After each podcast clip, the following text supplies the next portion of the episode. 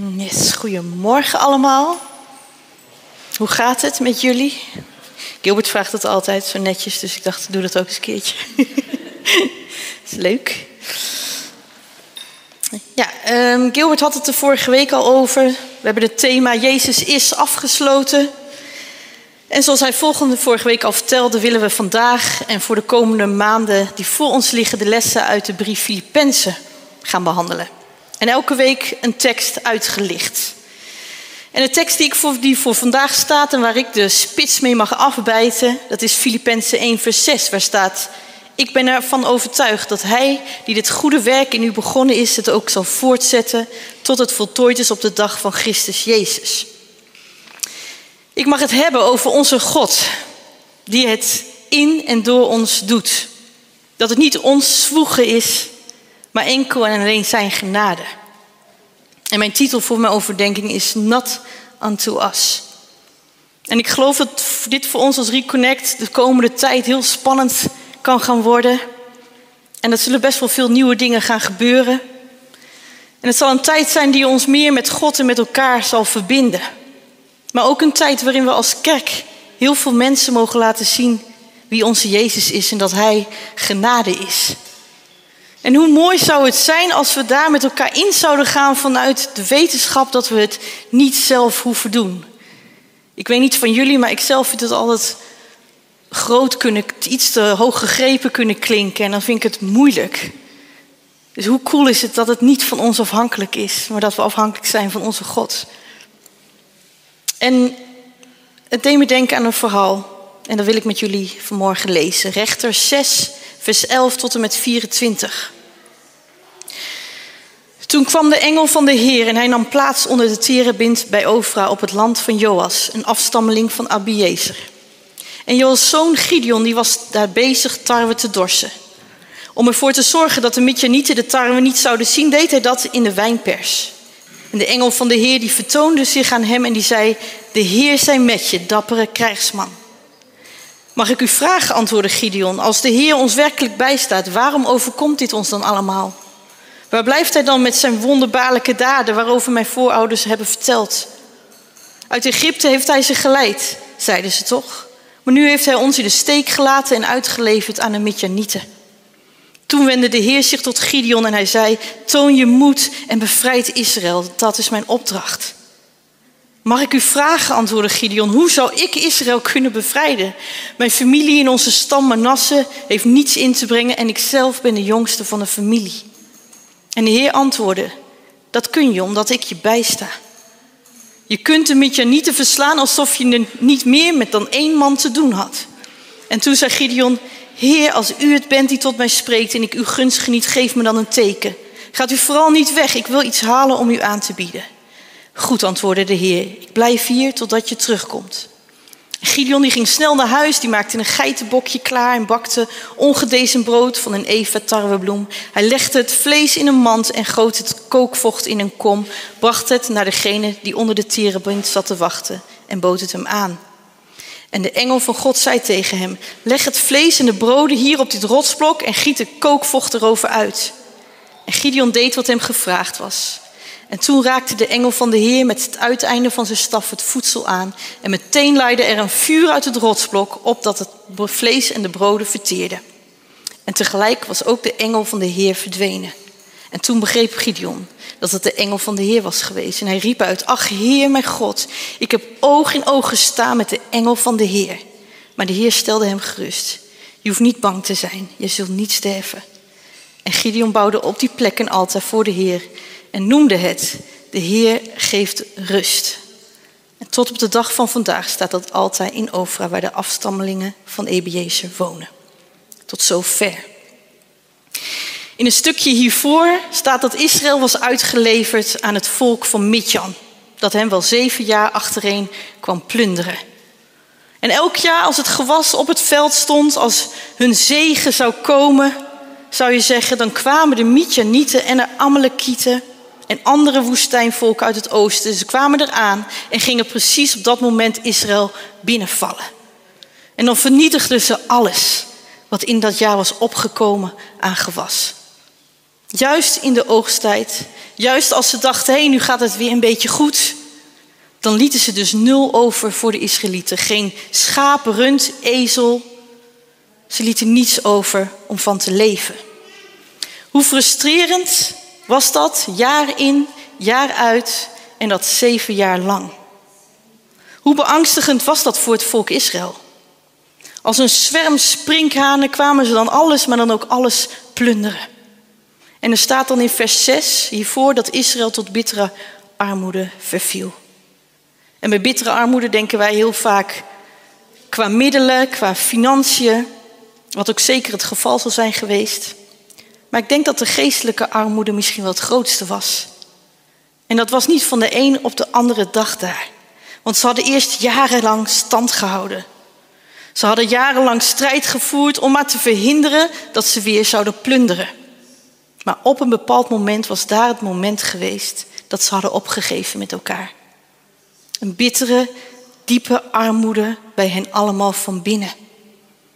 Een staat van armoede waarin ze diep teleurgesteld waren. De situatie hadden geaccepteerd en er nu een gelatenheid over hen was gekomen die hen zei: Beter dan dit zal het waarschijnlijk niet meer worden. De vechtlust en hoop waren verdwenen en in plaats daarvan overheerste de intense angst. En ze zeiden, ze hielden zich letterlijk verborgen in grotten en in bergspleten om maar niet gezien en niet gevonden te worden door die Minjanieten. Verscholen uit angst. En die staat van armoede die deed hen geloven dat er geen verandering meer voor hen was. En dat de situatie we moesten gaan accepteren zoals die nu was, zonder verwachting van een uitkomst. En in die staat van dit volk was God naar één persoon op zoek om het volk uit te redden. En je zou in zo'n situatie denken dat dit dan wel een hele mega superheld zou zijn. Zo iemand moet redelijk wat in zijn mars hebben, lijkt mij. Degene moet in ieder geval vooral niet bang zijn. Hij moet sterk zijn. Hij moet heel veel kunnen. Kortom, hij moet daar compleet geschikt voor zijn. Maar net als bij zoveel verhalen in de Bijbel, zoals bij David en bij Mozes, gaat dit weer zo compleet anders dan wij zouden verwachten. In vers 11 staat dan: Toen kwam de engel van de Heer. Alleen deze zin als intro vind ik al alles bepalend. Ik hou van dit soort zinnen. Want als dat er staat, dan kun je met al je voelsprieten al aanvoelen dat niets meer zal blijven zoals het was. Als de engel van de Heer verschijnt, dan moet namelijk de duisternis en alles wat onrecht is verdwijnen. Als de engel van de Heer verschijnt, dan kun je niet blijven waar je was, hoe lang het ook geduurd heeft. Als de engel van de Heer verschijnt, dan moet daar het begin van de doorbraak komen. Toen kwam de engel van de Heer. Alleen al hierover zou je volgens mij een preek kunnen geven. En het was God zelf die door die engel sprak toen hij Gideon aantrof die tarwe aan het dorsen was op een zeer ongebruikelijke plek, namelijk de wijnpers. Tarwe dorsen, dat gebeurde meestal gewoon op het veld. Maar Gideon was tarwe aan het dorsen in een wijnpers. En zeer waarschijnlijk deed hij dit dus ook omdat hij zo mega bang was en angstig en zo weinig mogelijk zichtbaar wilde zijn voor de Midjanieten. Gideon die was heel bang. Een lafaard zou je kunnen zeggen. Gideon was een mega watje. Maar één ding had Gideon wel gedaan. Want ondanks dat het misschien laf was en heel duidelijk was dat Gideon dus heel bang was, had hij één ding wel gedaan. Hij was, hoe het ook zij, met knikkende knieën wel op een dag uit zijn grot gekomen. Hij had op een morgen de stap gezet om zijn grot te verlaten, daar waar hij zo veilig verborgen zat, naar buiten te gaan en te lopen op de plek waar hij nu was. Ondanks zijn angst en onzekerheid, ondanks zijn staat van armoede en minderwaardigheid, hij was uit zijn grot gekomen. En hij stond er nu op deze plek om tarwe te dorsen in een wijnpers. Hij is daar op een plek bezig met een doodgewoon alledaags klusje, zou je kunnen zeggen. Hij is net als David bij de schapen was bezig met trouw te zijn in het kleine. Op de plek waar hij nu is. Maar ik kan me voorstellen dat hij het deed vol van angst. Met zoveel lasten op zijn schouders. In zijn staat van armoede. De moed opgegeven hebbende. Misschien compleet op de automatische piloot en afgestompt. Maar toen kwam de engel van de Heer. En dan gaat de engel van de Heer namens God zelf tegen Gideon spreken. En Gideon die zichzelf maar een enorme lafaard vindt. Het is hier op dit moment van angst en wanhoop, in de staat van geestelijke armoede en minderwaardigheid, dat God tegen Gideon spreekt. En hij doet dat met deze woorden. De Heer zij met je, dappere krijgsman. De eerste woorden die God naar Gideon uitspreekt in de staat waarin hij nu is. Met andere woorden, ik ben bij jou, jij dappere held. En daar waar Gideon zich alles behalve dapper voelde, noemde God hem, jij dappere krijgsheld. Het stond in groot contrast met hoe Gideon naar zichzelf keek en had gekeken in al die jaren en jaren lang. En zoals zo vaak bij ons mensen, als er licht en liefde en warmte ons leven inkomt, als er mooie woorden worden uitgesproken over ons, als God dichterbij komt, dan komen er eerst gevoelens van pijn, van teleurstelling en van verdriet. Want al die gevoelens die we al zo lang met ons meeslepen en al die lasten, die staan dan ineens zo in contrast met de woorden van God over ons. En daar waar we afgestompt waren en boos en leeg en de situatie we hadden geaccepteerd zoals die was, daar moeten we ineens zijn liefde toelaten. En dat doet pijn en dan komen boosheid en verdriet als eerste naar boven. En Gideon die zegt vanuit die pijn en boosheid, uh, zullen we niet eerst even over al die rottigheden hebben van hiervoor? Waar ik zo lang mee gelopen heb? En hij begint, mag ik vragen, als de Heer ons werkelijk bijstaat, waarom overkomt ons dit allemaal? Waar blijft hij dan met zijn wonderbaarlijke daden, waarover onze voorouders hebben verteld? Uit Egypte heeft hij ze geleid, zeiden ze toch? Maar nu heeft hij ons in de steek gelaten en overgeleverd aan de Minjanieten. En het valt me op dat, dat, helemaal, dat hij dan helemaal niks ingaat over Gods woorden van dappere krijgsheld. Hij komt gelijk met als God ons dan bijstaat, waarom? Waarom overkomt ons dit allemaal? Waar blijft hij met zijn wonderbaarlijke daden? Hoe herkenbaar voor velen van ons? Waarom? Waarom? Toen wendde de Heer zich tot Gideon en zei: Toon je moed en bevrijd Israël. Dat is mijn opdracht. God gaat hier totaal niet in op de aanklacht. Maar hij beantwoordt eigenlijk meteen Gideons woorden met een opdracht. En dat vind ik heel opvallend en bizar eigenlijk. Zou het zo kunnen zijn dat het uiten van Gideons jarenlange verborgen boosheid en pijn in de nabijheid van God al zo genezend werkte dat er misschien niet eens meer een antwoord voor hem nodig was? Toen wendde de Heer zich tot Gideon en hij zei: Toon je moed en bevrijd Israël. Dat is mijn opdracht. Zijn eerste woorden naar Gideon waren: Ik ben met je, jij dappere krijgsman. En nu zegt God: Toon je moed en bevrijd Israël. Hoppakee, alsof het helemaal niks is. Hoe kon hij dit van Gideon verwachten? Gideon was zo doodsbang en daardoor was hij zo'n lafaard. Hoe kon God hem dan in vredesnaam dapper noemen? En dat niet alleen, maar vervolgens meteen een opdracht aan koppelen. Omdat je die dappere held bent, mag je nu je moed gaan tonen en Israël gaan bevrijden. Niet zomaar een taakje of even eerst misschien in het klein beginnen, maar meteen de hele hap, oké. En voordat dat allemaal een beetje begint door te dringen, begint Gideon ook zo herkenbaar voor ons mensen met zijn tweede maar. En deze tegenwerpingen die gaan niet meer over de boosheid of de teleurstelling naar God toe, maar deze keer gaat het over zichzelf. En dan vooral zijn beperkingen, om het zo maar te noemen. En hij praat meteen in onmogelijkheden. Hij ziet alleen maar onmogelijkheden als het over zichzelf gaat. En dan gaat hij behoorlijk ver in. Hoe zou ik Israël kunnen bevrijden? Mijn familie heeft al niks in te brengen in onze stam Manasse en ik ben deel van die familie, dus stel ik ook al niks voor. En daarbij ben ik ook nog de jongste. En in het Hebreeuws is dat letterlijk hier vertaald als ik ben de onbetekenendste. In mijn familie ben ik de meest onbetekenendste. Wat een tekst. Wat een gedachte had deze Gideon over zichzelf. Wat een enorm minderwaardigheidscomplex.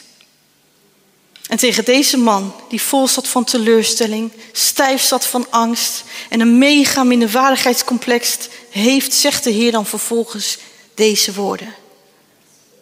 Dat kun je omdat ik je bijsta. En ik denk dat deze zin de kern is waar het vandaag over gaat. Gideon had zoveel jamaars over zichzelf, over zijn situatie, over alle beren op de weg en dacht volledig vanuit zijn onmogelijkheden. Hoe logisch dat hij dacht, hoe dan ik, met allemaal duizend fobieën en angsten, tekortkomingen, beperkingen. Hoe ooit moet ik een heel volk gaan bevrijden? En dan ook nog eens al die duizenden niet te verslaan. En nu noemt deze God hem ten eerste een dappere held. En hij geeft hem de grootste taak en roeping ooit. En zegt dan nu als enige reactie op Gideons tegenwerpingen over zichzelf. Dit kun je omdat ik je bijsta. Omdat ik je bijsta. Punt. Deze zin is waarschijnlijk alles omvattend. Bij deze uitspraak is er geen verdere tekst of uitleg nodig. Dit is het enige wat God tegenover Gideons kleinerende gedachten over zichzelf zet. Hij gaat er ook niet op in, zoals wij mensen misschien wel bij elkaar zouden doen. Van, ah nee joh, dat is helemaal niet zo. Je bent wel wat waard en je familie is toch ook, dat valt toch allemaal wel mee. Hoezo denk je zo slecht over jezelf? Je moet meer in jezelf geloven. Je kunt het. Dat is niet wat God zegt. Want God weet dat hij het niet zal kunnen.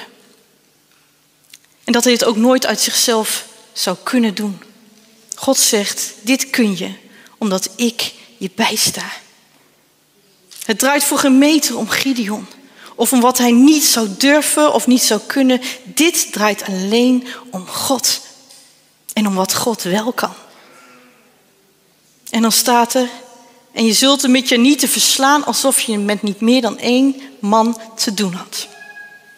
Het valt me hierbij op dat God het meteen overzichtelijk maakt voor Gideon. Daar waar hij dit ziet als een onmogelijk grote, onbereikbare taak. Het leger van de Midianieten had namelijk 135.000 man. Daar maakt God het heel concreet en tastbaar. Je zult de Midianieten verslaan alsof je met niet meer dan één man te doen had. Met andere woorden, jij ziet heel veel Midjanieten, maar door mijn kracht en nabijheid, dan zul je het gaan ervaren, al was het er één. Wat een verschil. En Gideon is denk ik een heel klein beetje bijgekomen van de schrik. En hij begint er geloof ik een heel klein beetje te beseffen wat hier allemaal aan de hand is. En dan zegt hij, Heer, als u het echt bent, geef me dan een teken. En als dat zo is, gaat u dan alsjeblieft niet weg, want dan wil ik u iets aanbieden. Al zijn boosheid, de tegenwerpingen, die hadden plaatsgemaakt voor niets liever willen dan iets aan de Heer geven. Maar tegelijkertijd kun je nou ook niet helemaal zeggen dat hij heel groot geloof had. Want anders had hij nu niet om een teken gevraagd. Dus opnieuw komt er iets heel menselijks van Gideon boven. En als we al dachten dat God hem misschien had geroepen omdat hij misschien dan wel een hele grote geloofsheld was, dan hebben we hier ook meteen het antwoord nee. Gideon was ook geen geloofsheld. Maar de engel van de Heer die komt hem zomaar tegemoet. En Gideon volgt de aanwijzingen op, legt het vlees en de broden op het rotsblok, giet er het kookvocht erover uit. En als de engel van de Heer met het uiteinde van zijn staf het voedsel aanraakt, dan laait daar een enorm vuur op uit het rotsblok wat het vlees en de broden verteerde. En direct op dat moment dan is die engel ook weer weg. En Gideon die weet genoeg. En dan pas lijkt het alsof Gideon een beetje wakker wordt. En dan roept hij uit, oh Heer mijn God, u was het gewoon echt. Ik heb gewoon oog in oog gestaan met een echte engel van God. Geef hem ongelijk. Ik denk dat we in onze tijd echt meteen het op de Insta hadden geknald in de stories. Hé, hey, dat geloof je niet. Ik was hier met een engel van God.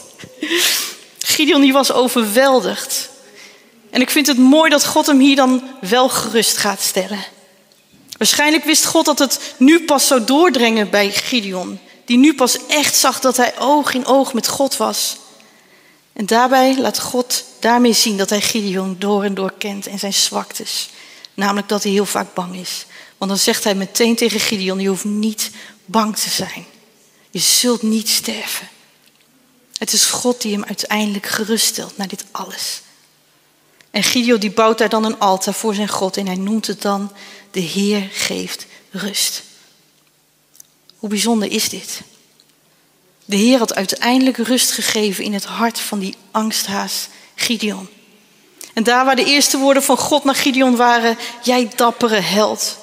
Daar waar God al zag dat Gideon geen angsthaas was, maar een dappere strijder, daar kon Gideon hier zelf uiteindelijk zeggen, de Heer geeft rust.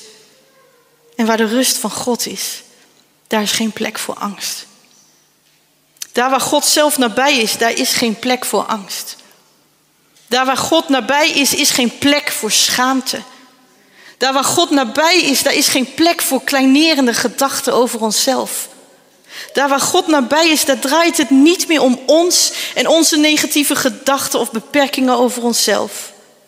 Maar daar waar God is, daar is geen plek meer voor onmogelijkheden, maar alleen maar voor mogelijkheden. Daar waar God nabij is, gaat het enkel en alleen om God. Om zijn enorme grootheid, die juist zichtbaar wordt in ons niet kunnen, in onze tekortkomingen, in alles wat wij niet zijn. En als je verder leest, dan zie je dat Gideon nog steeds bang is voor dingen. En een paar keer wil blijven vragen om bewijzen ook. Of hij wel echt de persoon is waarvan God wil dat hij Israël zou bevrijden. En in vers 34 verderop staat er dan, toen kwam de geest van de Heer over Gideon. En in de oude statenvertaling staat het zo mooi. Toen bekleedde de geest van de Heer Gideon. Hoe mooi verhaal, vertaald is dit? Hij bekleedde hem met zijn geest. Hij bekleedde hem met zichzelf. Hij bekleedde hem met alles wat God zelf is. En daardoor waren Gideons beperkingen totaal niet meer aan de orde. Daar ging het echt zo niet meer om. Het ging hier enkel en alleen om Gods bekleding. En Gideon die lijkt wel een beetje net een mens zoals jij en ik, toch? Kennen we niet allemaal situaties waar we bang zijn? Waarin we ons een grote lafaard voelen? Situaties waar we bij Gods mooie woorden over ons eerst vooral teleurstelling en boosheid of pijn voelen en het eruit willen gooien. Situaties waarin we als God ons roept voor een taak eerst op al onze tekortkomingen zien en kleinerende gedachten hebben over onszelf die zeggen dat we niet geschikt zijn. Dat we misschien zelfs wel de onbetekenendste zijn. En als we dan uiteindelijk beseffen dat God nabij is, dan keer op keer ook nog eens het bewijs willen zien. Dat Hij wel echt het is die ons door ons gesproken heeft. Weet je, als we deze dingen opsommen, dan zie je dat er niet één reden zou kunnen zijn waarin Gideon het verdienst zou hebben dat God hem uitkoos voor deze grote taak. Uit al deze punten blijkt dat Gideon niet geschikt was. Er was alleen één punt aan het begin van het verhaal wat vrij bepalend was. Namelijk dat Gideon uit zijn grot was gekomen. Hij was naar buiten gekomen. Uit zijn staat van armoede. Uit de duisternis die hem gevangen wilde houden. Uit zijn grot. En was toen hij minder bang? Absoluut niet. Hij was met knikkende knieën uit die grot, uit de schaduw, uit zijn identiteit van armoede gestapt. Het zijn misschien wel stapje voor stapje was hij vooruit gegaan, maar hij was gegaan naar die wijnpers. Een plek die hij alsnog uit, uit angst had uitgekozen. Maar hij was uit zijn grot gekomen. Een stap die misschien heel voor de hand liggend is of onbelangrijk lijkt, maar hij was gekomen. En ik denk dat hier een hele belangrijke les voor ons in zit. Want als hij dit niet had gedaan, had hij misschien deze hele ontmoeting met die engel niet gehad. De woorden van God niet gehoord. We weten het niet. Maar wat we wel weten, is dat Gideon kwam. En dat hij het enige was wat hij hoefde te doen. Hij was beschikbaar en dat was genoeg. Ik heb jullie wel eens verteld dat ik mezelf totaal niet geschikt vond toen ik zo'n, denk negen, bijna tien jaar geleden alweer, toen Gilbert werd gevraagd om uh, in eerste plaats te gaan zingen op de zondagmorgen. Laat staan een beursje blijde laten te worden. En Gilbert die was een beetje mijn engel van de Heer. Dat klinkt misschien heel oneerbiedig, maar ik ben er achteraf van overtuigd dat God door hem heen sprak en hem hiervoor gebruikte. En als je me niet gelooft, dan mag je hem navragen. Maar ook ik had echt duizenden jamaars en honderden redenen om mezelf niet geschikt te vinden. Het was ook voor hem echt doodvermoeiend, geloof mij. Maar de Heer heeft mij gebruikt om hem geduld te geven. Amen. En het zijn met knikkende knieën, zei ik steeds weer ja. En ik vond het allemaal dood en doodeng. Maar ik zei maar weer ja. Maar toen hij voor het eerst vroeg of ik een keer wilde spreken op een 5 keer 5 dienst, was ik in alle staten. Hoe kwam hij erop? Hoe kon God in vredesnaam mij gebruiken voor zoiets belangrijks in mijn ogen? Ik die een paar jaar daarvoor nog een rotsoortje van mijn leven had gemaakt. En die dingen had gedaan die voor een christen niet door de beugel konden. Ik die vaak zo bang was voor alles en nog wat. Ik die me een lafaard van een echtgenoot en een moeder voelde. Ik die zo kleinerend over mezelf dacht. Ik die mezelf dom vond omdat ik op de middelbare school me heel veel jaren niet had kunnen concentreren door heftige situaties in mijn leven. Ik die een heel stuk algemene ontwikkeling had gemist. Ik die ook het jongste zusje was in ons gezin. En me daardoor toch onbewust iets onbetekenender had gevoeld dan mijn wijze zussen. Ook ik had mezelf gevangen in een grot.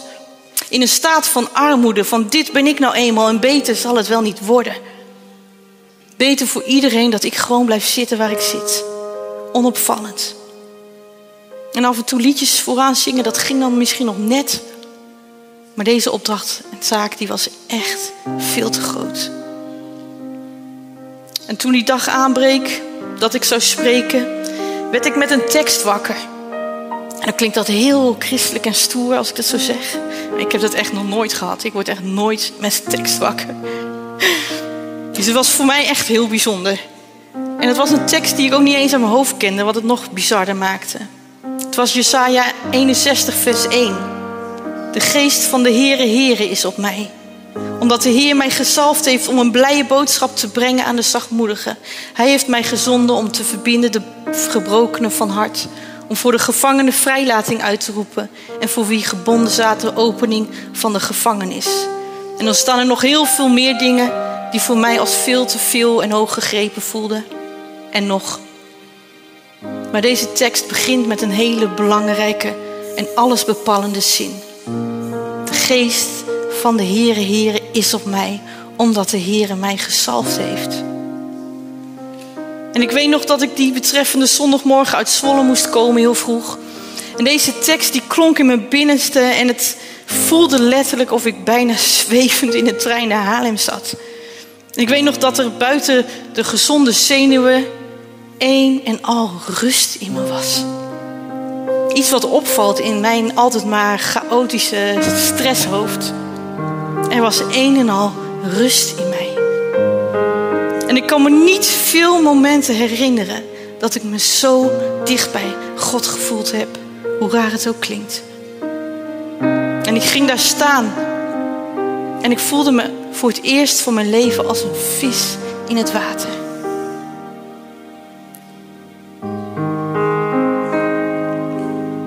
Ik kan het niet anders omschrijven.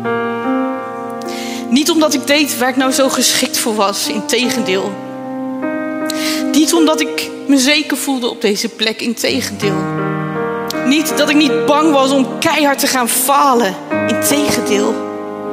Maar omdat de geest van de Heer op mij was. Omdat Hij me had bekleed met zijn geest. Omdat Hij mij een dappere held vond, vulde Hij alles aan waar ik zo in tekort schoot.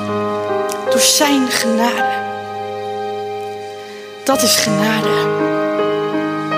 Ik had het nergens in kunnen verdienen. Ik had er nergens in kunnen roemen. Ik had er niets voor kunnen doen. Het was zijn genade. En eindelijk besefte ik dat het er niet om ging wat ik allemaal niet kon, maar op wat God wel kon.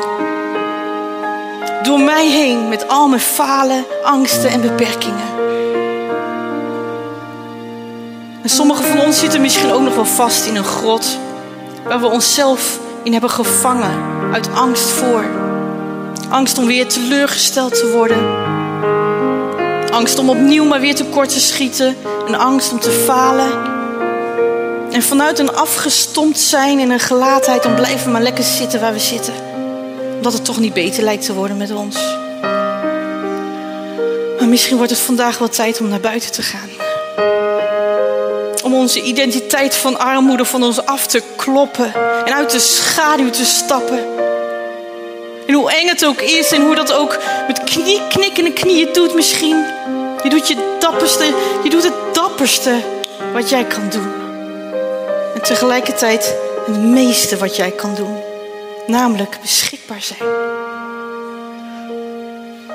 En dan geloof ik dat daar waar jij jezelf tekort vindt komen, daar waar jij jezelf een lafaard vindt misschien, daar waar jij misschien wel het zelfs onbetekenendste vindt, dat God dezelfde woorden vandaag over jou uit wil spreken.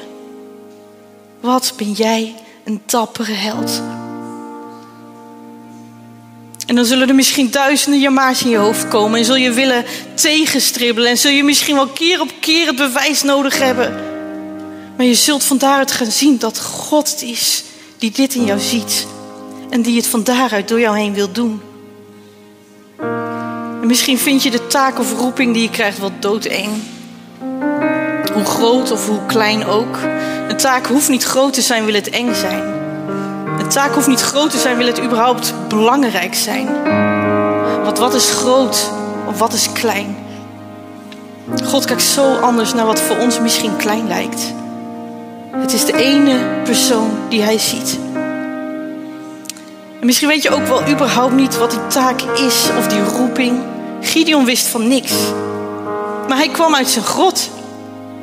Met al zijn niet durven en zijn niet kunnen. En dat was het enige wat hij hoefde te doen en wat hij hoefde te zijn. Het gaat er niet om wat wij niet kunnen, maar om wat God wel kan.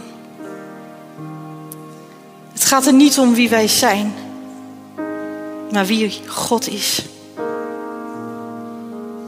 Weet je, nou lezen we een heel stuk verderop, wat ik net al even zei aan het begin, dat het leger van de Midjanieten 135.000 man sterk was. Gideon had een leger van 32.000 man. Ze hadden geen wapens, dus hoe groot was deze kans op mislukking? En dan zegt God daar ook nog, jullie leger die is te groot. En dan hebben ze natuurlijk een enorm error van wat is dit? Wij zijn met minder, hoezo ons leger is te groot? Maar dan zegt God, anders zouden jullie denken dat jullie het met eigen handen de niet hebben verslagen. Met andere woorden, dan zou de grote kracht van God niet zichtbaar worden.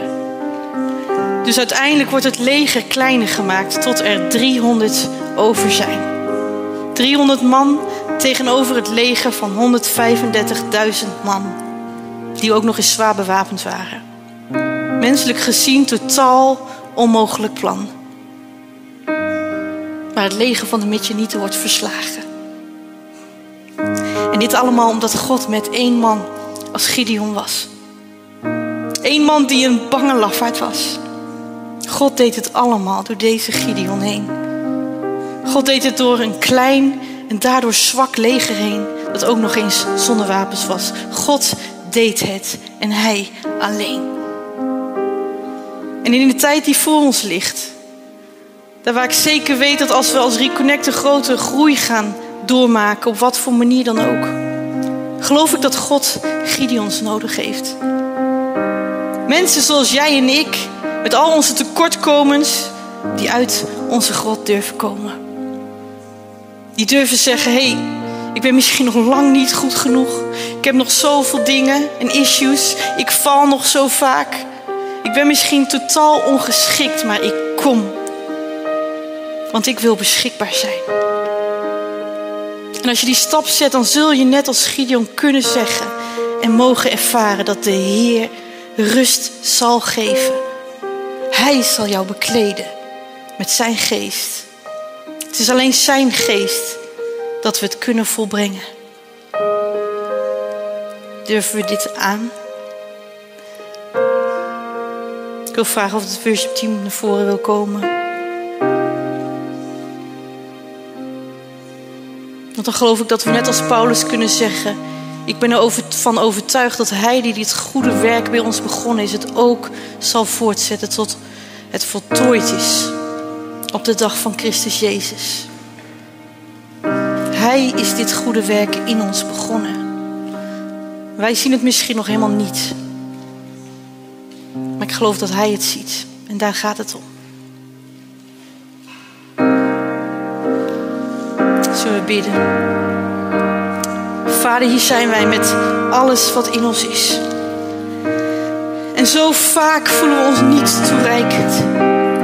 Zo vaak zien wij tekorten. Zien we onmogelijkheden. Worden we misschien al moe bij het denken dat we iets voor u zouden kunnen doen of mogen doen of moeten doen. Maar u noemt ons vandaag ten eerste, jij dappere held. Jij mag uit je grot komen van angst, van teleurstellingen. Jij die het misschien hebt opgegeven of die jezelf maar onbruikbaar vindt elke dag. Of onnuttig vindt in wat je doet. Gideon was zomaar bezig met tarwe te dorsen. Het was een alledaags klusje. Misschien denk je wel, ik ben alleen maar broodjes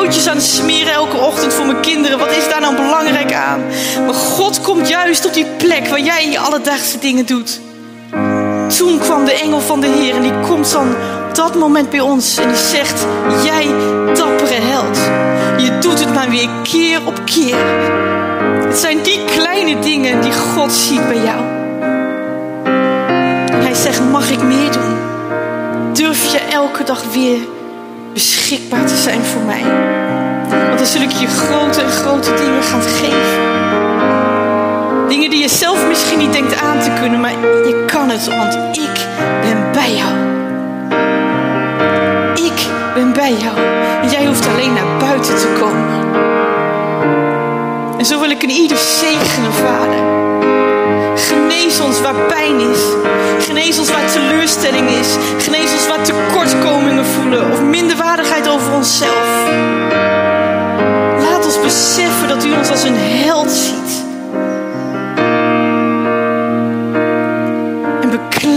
Met uw geest. Want uw geest alleen zal het doen. Vul ons met die geest, Vader, op dit moment. Dat niets meer van onszelf zal zijn, maar alles van u. Omdat u onze maker bent. U zult het doen, Vader. God will work it out.